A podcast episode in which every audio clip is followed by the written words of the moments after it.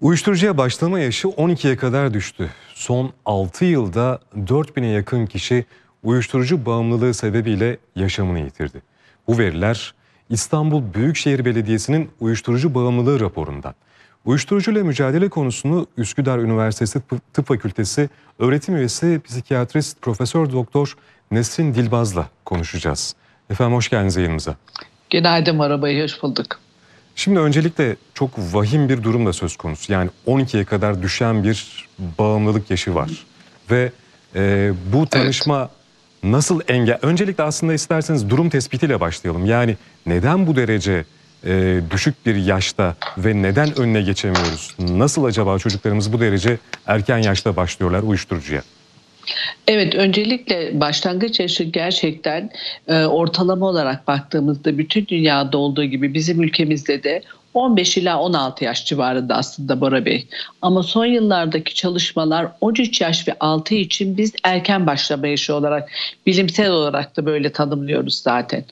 Ama önemli olan nokta burada. Yani bir ya da üç ya da beş kişinin 12 ya da 10 yaşında başladığı değil ama genel ortalamada gençlerimizin en fazla riskle karşı karşıya geldiği yaş dönemine baktığımızda aslında bu yaş dönemi e, ortalama olarak 15 ila 16 yaş civarında. E, nereden başlandığıyla da ilgili biz bu konuda çok çalışma yapıyoruz. Siz de biraz önce bir rapor sundunuz. Yani Birleşmiş Milletler'in raporu var, Türkiye'nin raporu var, işte İstanbul Büyükşehir Belediyesi'nin raporu var. Ama genel olarak bakıldığında en çok tanıdık birinden, bir arkadaştan başlandığı görülüyor. Yani Hani o eski Türk filmlerindeki gibi hiç tanımadığınız birinden işte e, içeceğinize bir şey katılarak olmuyor. Hep tanıdığınız ve bildiğiniz bir arkadaştan ve merakla başlıyor maalesef.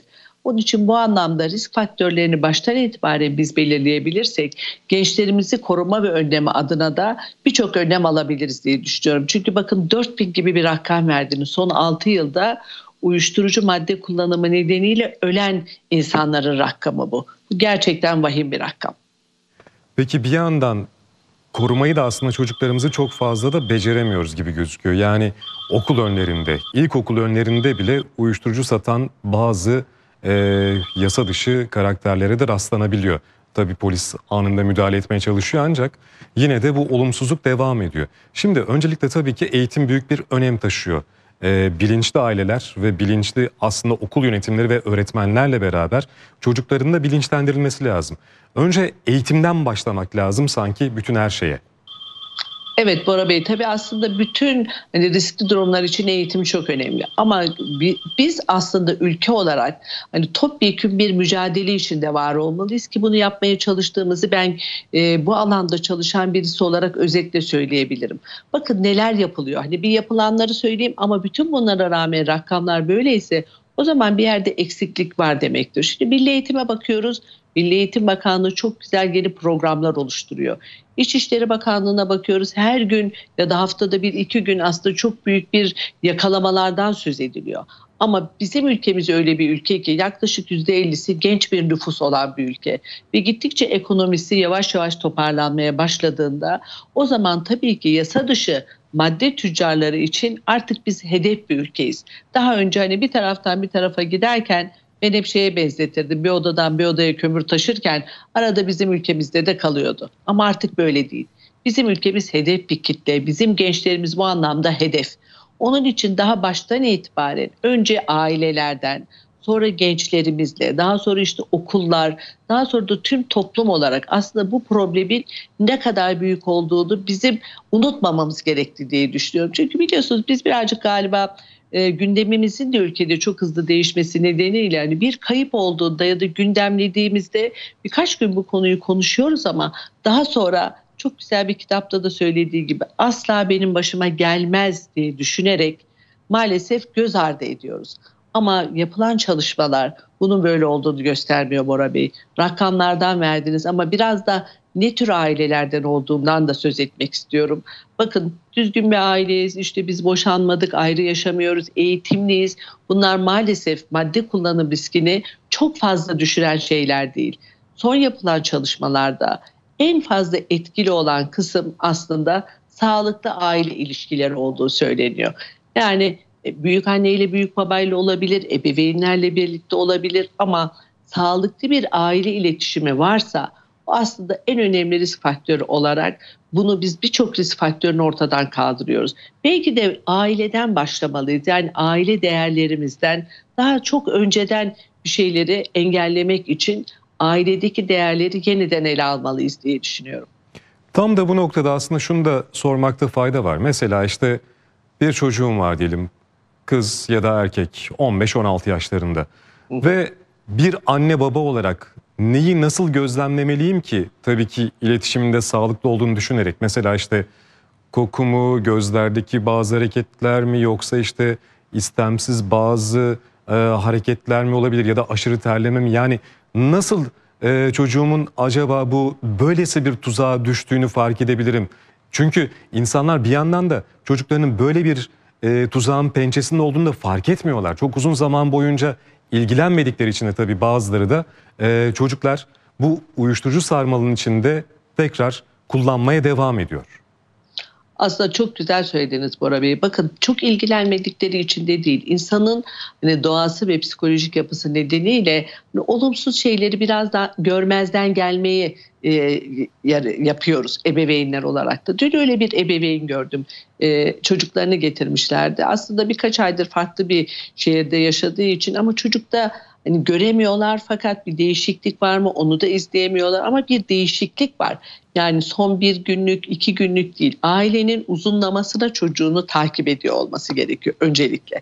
Yani nedir? Son 6 aydır ya da bir yıldır çocuğunuzda bir huy değişikliği olduysa, çocuğunuzun arkadaşlık ilişkileri değiştiyse, akademik başarısında bir düşme olduysa, genel anlamda sağlıkla ilgili problemler yaşıyorsa, bakın uzun süre içinde bir sorun var demektir bu çocukta.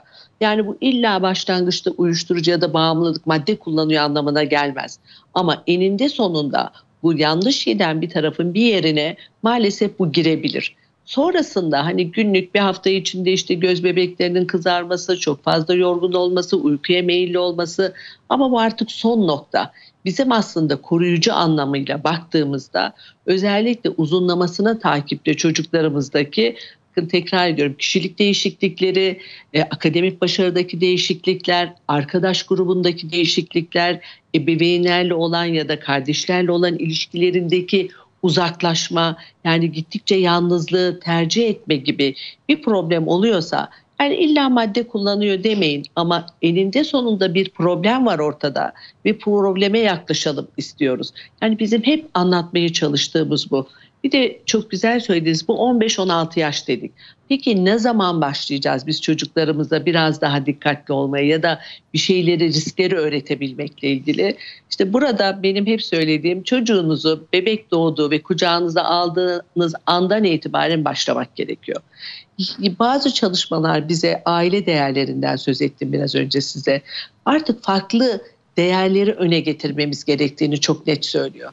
Şimdiye kadar bakın ceza ve ödül sistemi çocuğun eğitiminde kullanıyorduk. Nedir? Yanlış bir şey yaparsan bu ebeveyn ceza verebilir ya da öğretmeni ceza verebilir ya da ödüllendirebilir.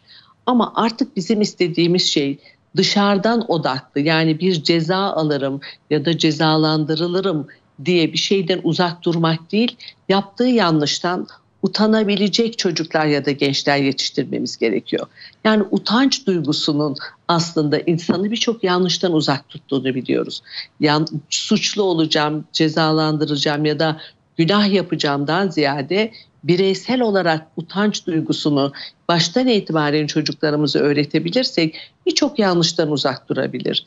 Kendilerine e, yanlış bir şeyle yönelenlere hayır diyebilir ve gerçekten doğru kararları içselleştirerek kendi atlarına verebilecek bireyler yetiştirmiş oluruz. Evet zaten mutlaka doğruluğu, hakkı, hukuku, adaleti çocuklarımıza öğretmekte büyük fayda var yani. Bir yandan da şimdi yine kötü durum senaryosu üzerinden ben devam edeyim isterseniz. Tabii ki. Bütün e, belirtileri takip ettik diyelim bir ebeveyn olarak. E, ve artık şüphelerimiz de yerinde. Çocuğumuzla da konuştuk ve o diyor ki evet ben şunu şunu şunu kullanıyorum periyodik olarak. Ve bunlar kimyasal maddeler ve kimyasalların da e, vücuda ve beyne verdiği zararlar ortada zaten apaçık. Bundan sonra ebeveynler tamam sağlıklı iletişim kurdular ve artık nasıl bir çözüm noktası bulmaları lazım ki çocuklarını bu bataktan kurtarabilsinler. O zaman ne yapmalılar? Doğru. Şimdi isterseniz bu iyi senaryo. Belki diyeceksiniz hocam neresi bunun iyi? Şöyle iyi. Tespit etmiş ilgili- olması açısından tabii evet, ki. aynen. Ve çocuğunuzun sizinle evet ben kullanıyorum e, ve bu konuda da yardım istiyorum demesi aslında bu en büyük adımı attık demektir. İsterseniz bu senaryodan gidelim. Çünkü sonra reddederse ne yaparızla konuşalım. Eğer çocuğumuz bunu kabul ettiyse evet benim bir sıkıntım, benim bir problemim var. Bakın tırnak içinde illa bağımlı olması gerekmiyor. Ben bir madde kullanıyorum. Beni bağımlı yapabilecek bir madde kullanıyorum dediğinde ebeveynler bir araya gelip bu anlamdaki profesyonel çalışan merkezler var Bora Bey. Buradan mutlaka çocuklarının yardım almaları gerekiyor. Şimdi en büyük endişelerden bir tanesi şu. Kimliklerinin ortaya çıkabileceğiyle ilgili. Yani bunun işte bir şekilde kayıda gireceğiyle ilgili. Bazı ebeveynler onun için devletle ilgili kurumlarda çok çocuklarından yardım almak istemiyorlar. Yani bu anlamda da ben onların endişelerini anlayabiliyorum ama ülkemizin her yerinde hem devletin oluşturduğu işte AMATEM adını verdiğimiz bağımlılıkla ilgili tedavi, tanı ve tedavi merkezleri var. Ayrıca özel hastanelerde özel tıbbi merkezler var. Burada gene çocuklarını götürebilecekleri ya da hani onlar kabul etmiyorlarsa kendilerinin yardım alabilecekleri. Şimdi süreç nasıl işliyor? Bir danışma merkezimiz var. Yani ayaktan geliyorlar, başvuruyorlar ve öncelikle biz onları değerlendiriyoruz. Çünkü madde kullanımı başka ruhsal ya da tıbbi durumlarla da beraber olabiliyor. Daha sonra motivasyonel görüşmeyle birlikte onların neden bu maddeyi kullanmamaları ve neden bundan sonraki yaşamlarında temiz ve ayık kalabilmeleriyle ilgili onlara yeni yaşam hedefleri oluşturuyoruz. Bazen bunu yaparken ilaç tedavisi eklemek zorunda kalıyoruz. Çünkü bazı maddelerin yoksunluk dediğimiz madde kesildiği zaman oluşan belirtileri ortadan kaldırabilmek için ilaç tedavisi kullanmak gerekiyor. Ve ardından bakın bu tedavinin sonrasında da rehabilitasyon başlıyor. Yani tedavi sadece geldik, görüştük, işte ilaç aldık ya da iki görüşmeyle bitmiyor. Çünkü bizim amacımız gençlerimiz için yaşam boyu temiz, ayık ve güzel bir yaşam sürmeleriyle ilgili. Onun için sonrasında da en az 1, 3 hatta 5 yıl süren rehabilitasyon hizmetleriyle de devam ediyoruz. Yani bu iyi senaryo. Gencimiz bunu kabul etti. Kötü senaryo. Siz ısrarla çocuğunuzun madde kullandığını düşünüyorsunuz. O da hayır kullanmıyorum diyor.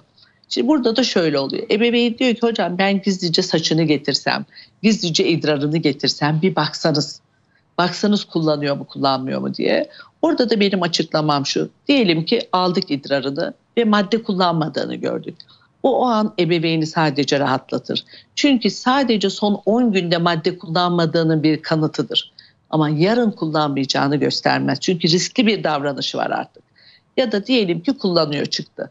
O bilgiyi biz ergenle nasıl paylaşırsınız? Çünkü anne ya da baba öfkelenecek, kullanmıyorum diyen e, genci diyecek hayır işte bak gördüğünü ben idrarında sapladım kullanıyorsun. O zaman bütün köprüleri yıkıyoruz ve iletişim bozuluyor. Onun için böyle olunca biz ebeveynlerle çalışıyoruz öncelikle. Yani çocuğu getirmeden nasıl iletişim kurabilecekleri, nasıl sabırlı olabilecekleriyle ilgili ve daha sonra yani çocuklarını illa madde olması gerekmiyor. Başka konuda yardım alabilmek adına ikna ederek bir biçimde o profesyonel kadroyla karşı karşıya gelebilecek hale getirmelerini sağlıyoruz. Ondan sonrası zaten bizim işimiz. Ama bakın özellikle altını çiziyorum. İki noktanın altını çizmek istiyorum burada. Birincisi profesyonel kadro. Yani bu çok önemli. Çünkü bağımlılık bir beyin hastalığı. Yani böyle herkesin tedavi edebileceği bir durum değil. Çünkü profesyonel bir kadro olacak. Bir ikincisi de hani kimyasallardan söz ettiniz. Burada gençlerimizin hep söylediği bir şey var. İşte hocam mesela esrar için ottur zararı yoktur. Hayır böyle bir şey yok. Bağımlılık yapıcı maddelerde kimyasallar kadar kimyasal olmayan yani bitkisel dediğimiz çok zararlı ve bağımlılık yapıcı maddeler de var. Onun için bu anlamda topyekün biz hepsiyle mücadele ediyoruz. Hocam çok çok teşekkürler yayınımıza katkılarınızdan ötürü ve tabii bu değerli bilgileri de bizimle paylaştığınız için. Ben de teşekkür ediyorum. Bir pazar gününde belki çok hoş bir pazar günü ama olumsuz bir konuyu konuştuk gibi gelebilir izleyicilerimize. Fakat bu konuları ele alarak gençlerimizin gelecekte daha olumlu, daha sağlıklı ve daha mutlu olmalarını sağlamaya çalışıyoruz. Herkese iyi pazarlar. Çok teşekkürler tekrar.